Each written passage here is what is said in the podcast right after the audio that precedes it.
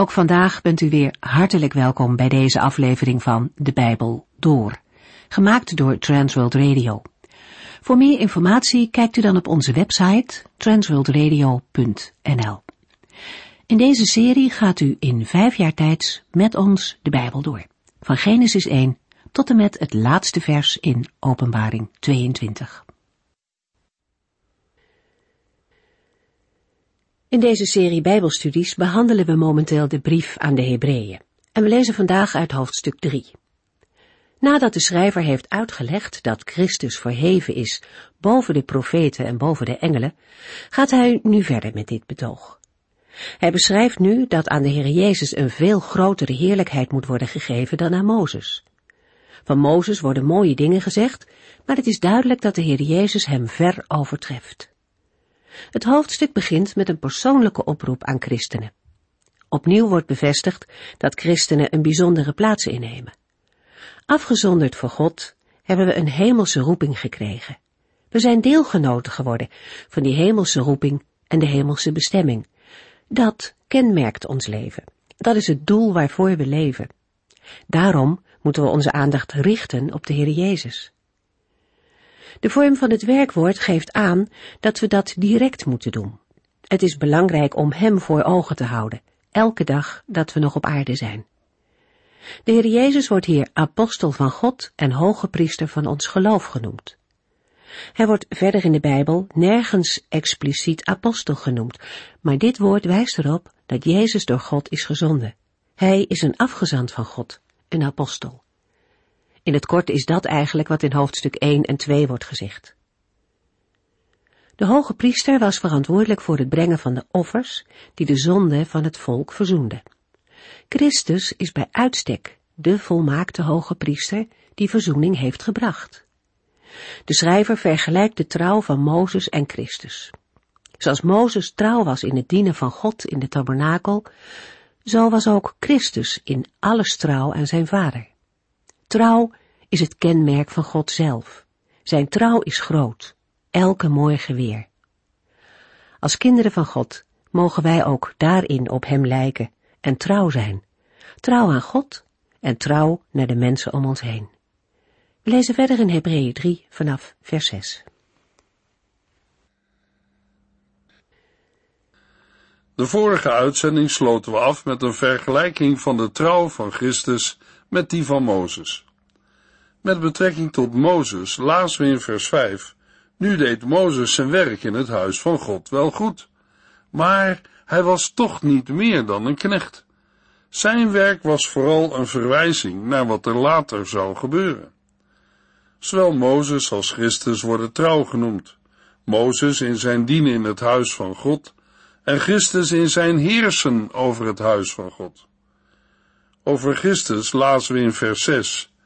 Maar Christus, Gods trouwe zoon, heeft het volledige beheer over het huis van God. En dat huis zijn wij, de christenen. Als wij tenminste tot het einde toe volhouden en met blijdschap op de Here blijven vertrouwen. Uit vers 6 blijkt dat het huis van God synoniem is met het volk van God. In het Oude Testament het volk Israël. Maar nu, in het Nieuwe Testament, breder is en bestaat uit degenen die Jezus Christus als Zoon van God erkennen, zowel Joden als niet-Joden. De schrijver van Hebreeën schrijft, maar Christus, Gods trouwe Zoon, heeft het volledige beheer over het huis van God, en dat huis zijn wij, de christenen. In Efeziërs 2, vers 11 en 12 schrijft de apostel Paulus aan niet-Joodse gelovigen, Vergeet niet dat u van geboorte niet bij het volk van God hoort. De Joden noemen u minachtend de onbesnedenen. Dat besneden zijn van hen betekent overigens niets meer dan dat er een snee in hun lichaam is gemaakt. U leefde vroeger in elk geval zonder Christus, en u stond volledig buiten de gemeenschap van Gods volk. De belofte die God had gedaan, golde toen nog niet voor u.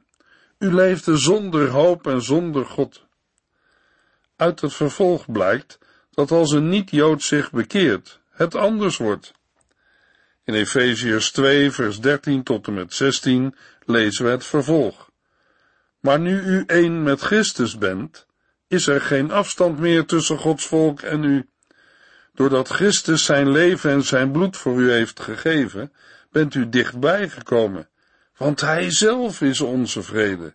Hij heeft u en ons tot één volk gemaakt, door de muur van vijandschap die tussen ons instond af te breken.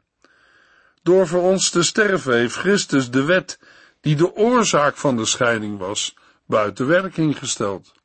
Hij bracht de twee tegenstanders bij elkaar, door hen tot een deel van zichzelf te maken.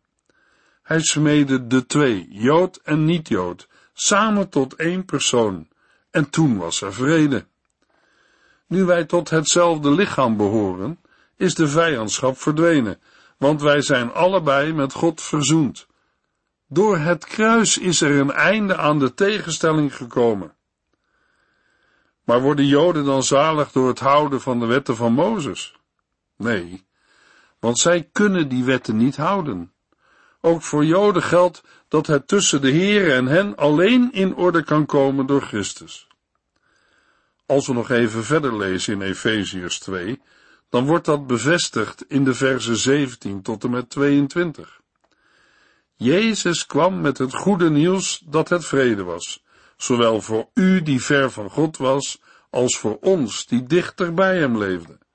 Door wat Jezus heeft gedaan, mogen wij, Joden en niet-Joden, vrij bij de Vader komen, in één geest. Voor God bent u nu geen vreemdelingen of buitenlanders meer.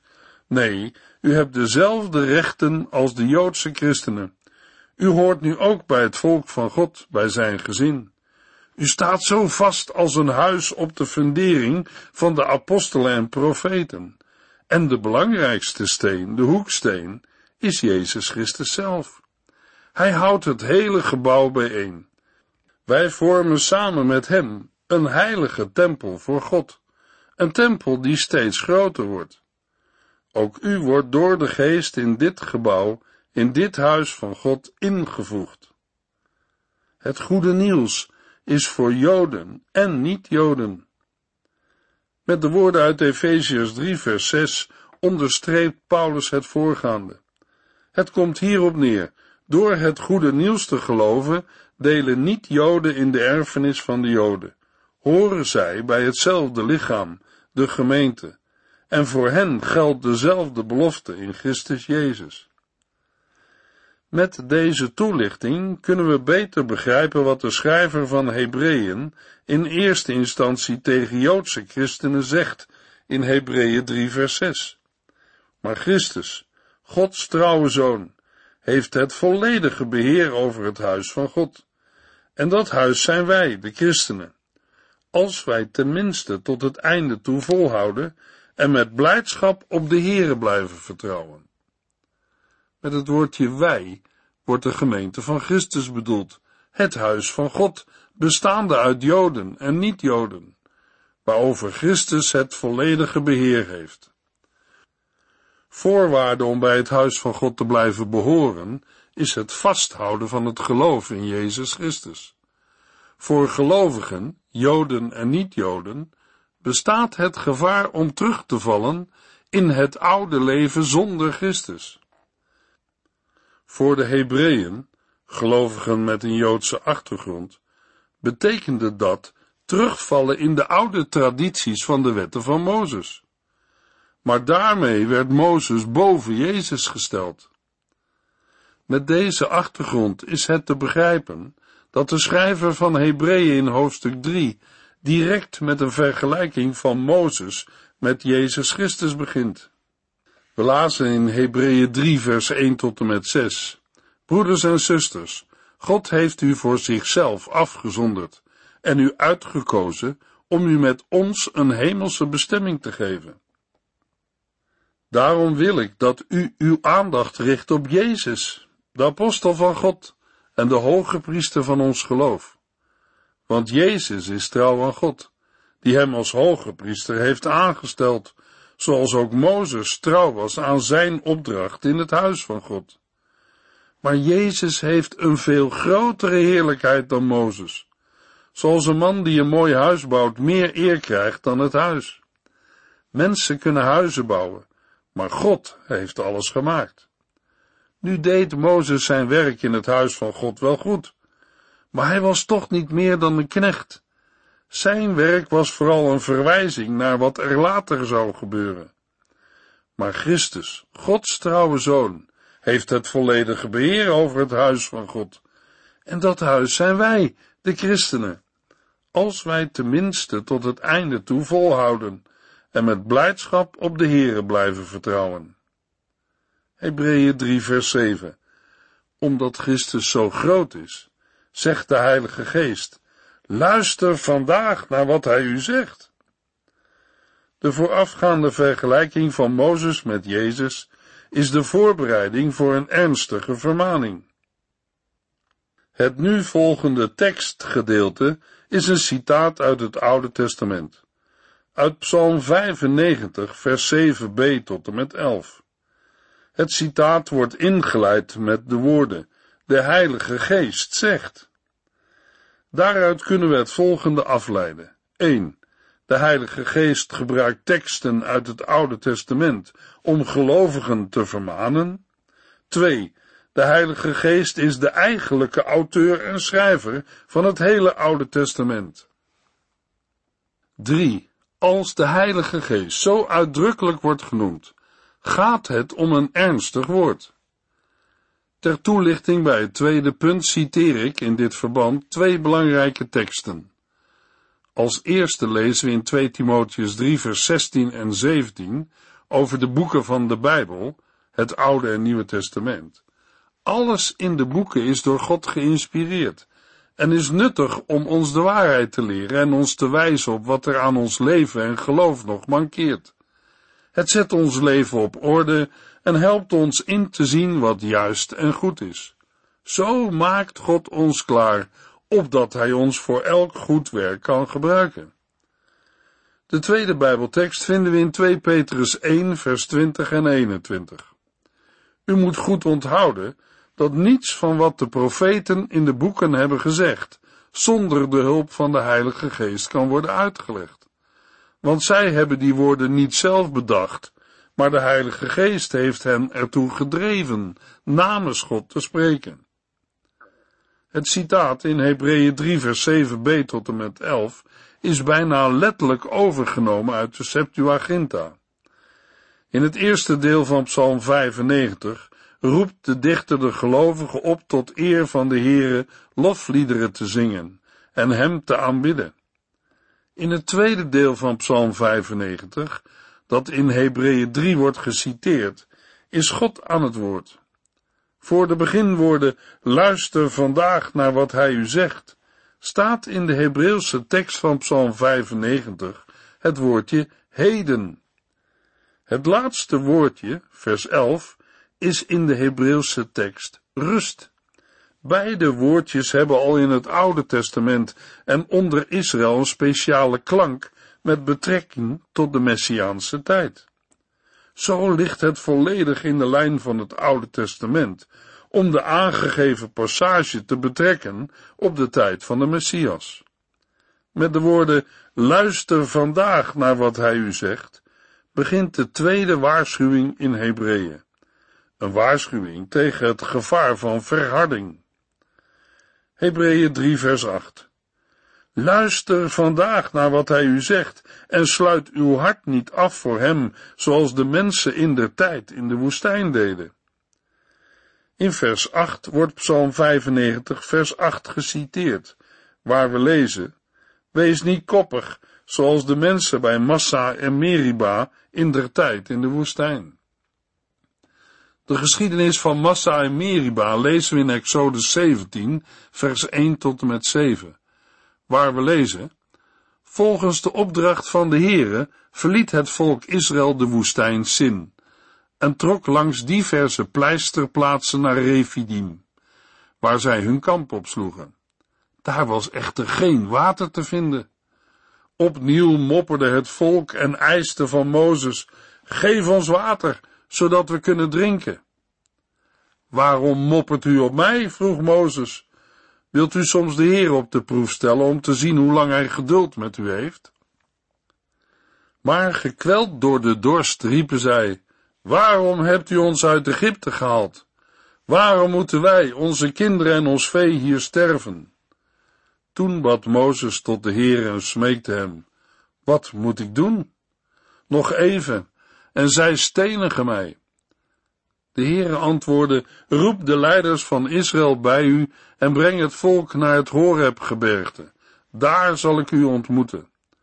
Sla daar met uw staf op een rots, dezelfde staf waarmee u op het water van de Nijl hebt geslagen. En er zal water tevoorschijn komen, zodat zij kunnen drinken. Mozes deed wat de Heer had gezegd, en het water golfde tevoorschijn. Mozes noemde die plaats Massa, verzoeking, en Meriba, ruzie, omdat de Israëlieten tegen de Heer waren opgestaan en hem hadden uitgedaagd met de woorden, is de Heere bij ons of niet?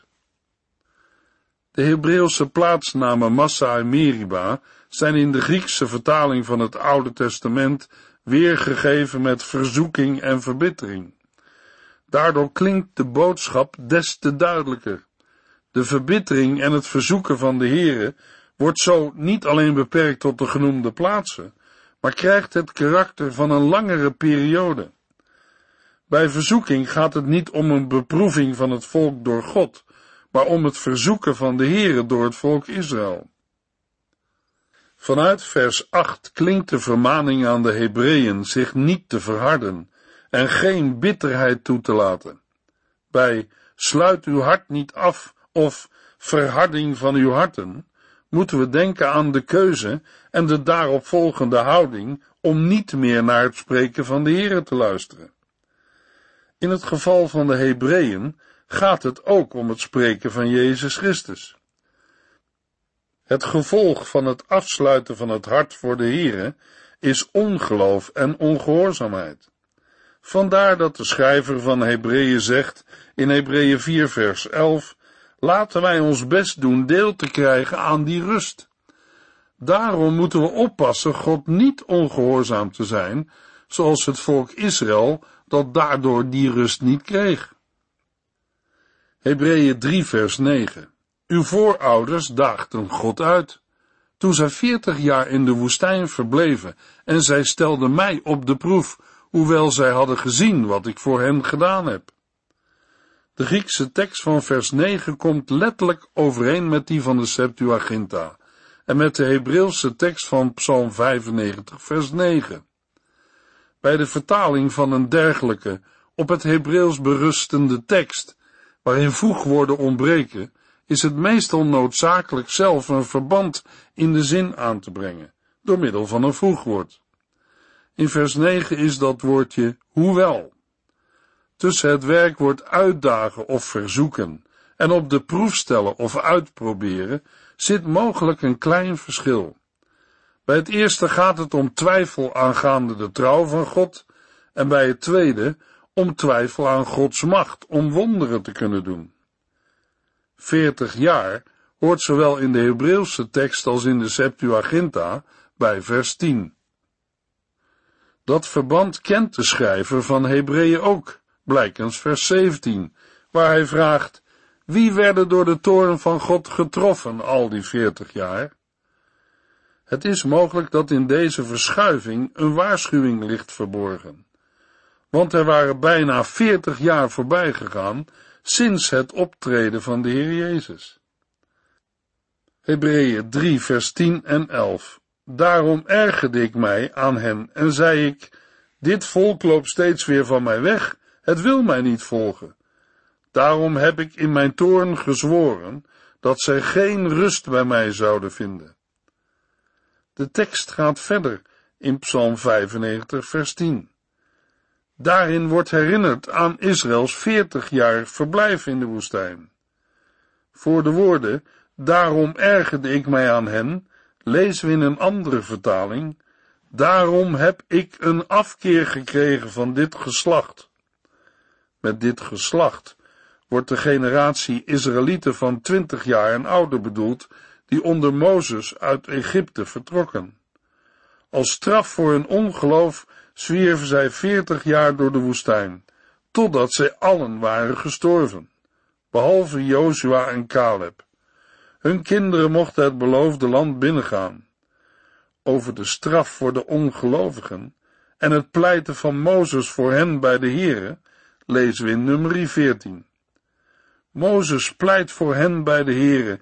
In nummer 14 vers 22 tot en met 24 bidt hij, Och, ik smeek u, vergeef de zonde van dit volk in uw grote onveranderlijke liefde, zoals u dat deed met de zonde die zij deden tijdens de reis van Egypte naar hier.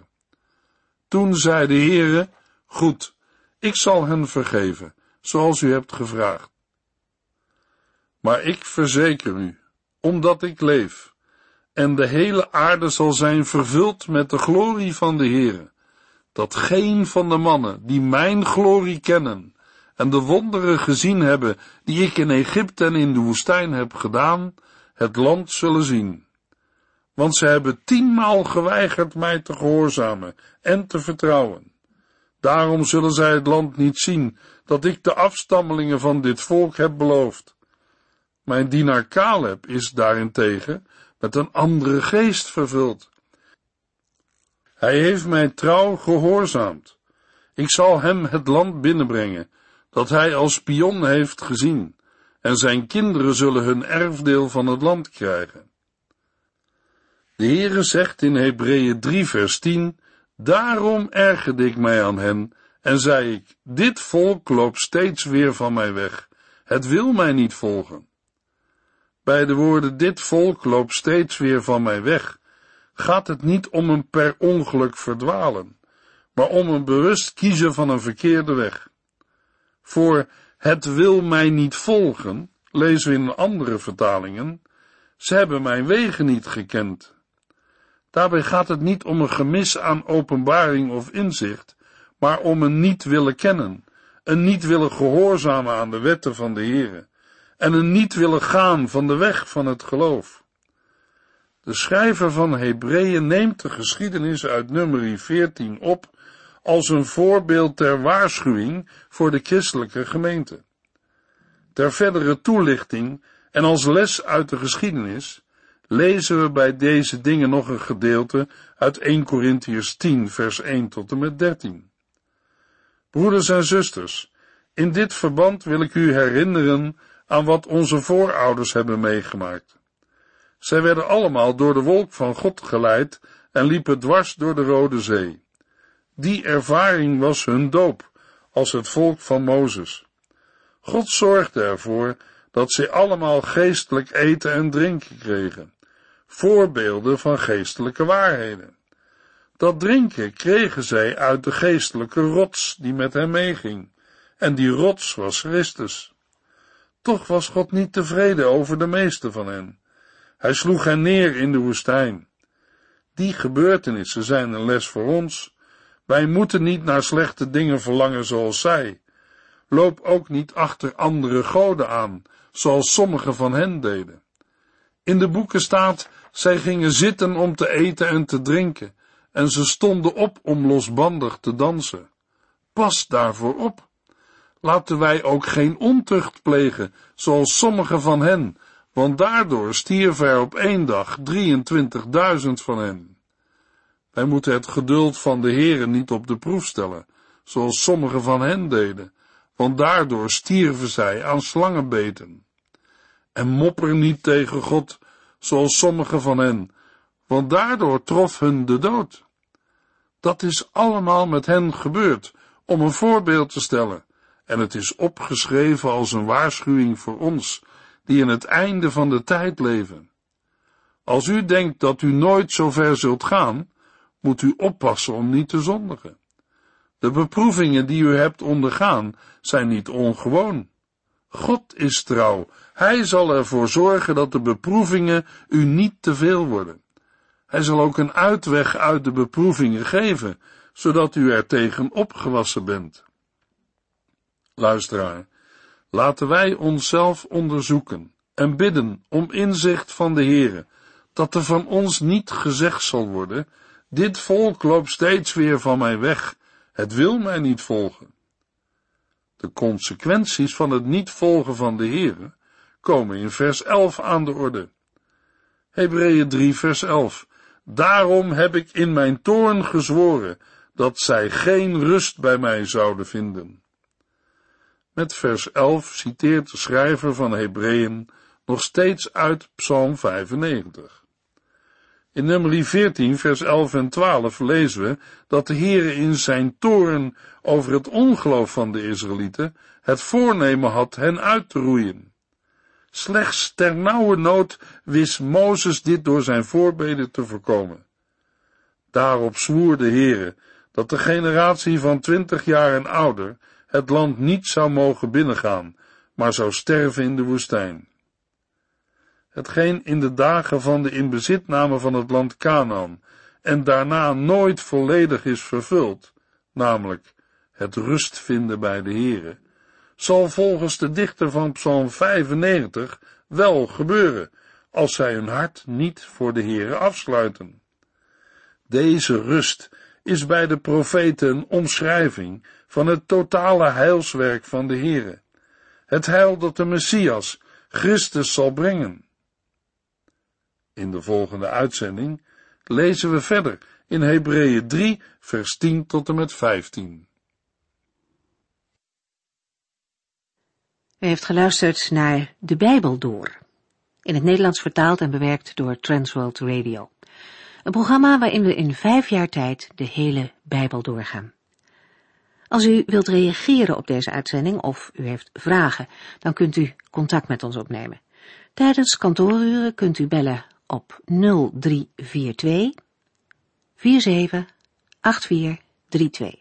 0342 47 8432. Ook kunt u een e-mail sturen naar de Bijbel door at en natuurlijk kunt u ook via de post ons bereiken. TWR, postbus 371, postcode 3770, AJ in Barneveld. Dit programma werd gepresenteerd door Cor Weda en Ike André. Techniek was in handen van Odin van Voerkom. En wij allemaal bedanken u voor het luisteren. Graag tot de volgende keer.